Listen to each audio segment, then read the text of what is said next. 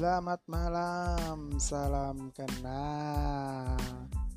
Saya laki-laki yang sudah mempunyai istri dan anak di malam hari yang tinggal sendiri karena harus berbagi jarak dan waktu karena pekerjaan bukan karena disengaja tapi ya memang harus ada tanggung jawab.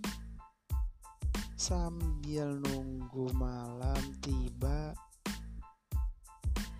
diiringi kipas angin dari banding daripada bengong gitu ya. Ya udah ngomong-ngomong sendiri kali-kali ada yang ngedenger ya mungkin bisa dibilang monolog atau apa terserah yang ngedengerin ngomongnya apa.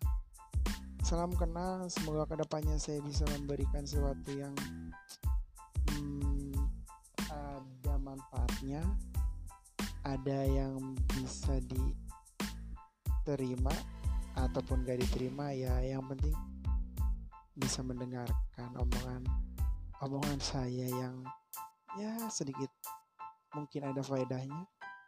Daripada enggak ya udah kita mulai aja mulai dulu aja.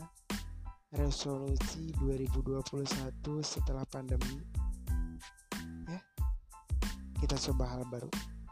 Oke selamat malam sampai jumpa di obrolan atau omongan-omongan gak penting saya di malam-malam selanjutnya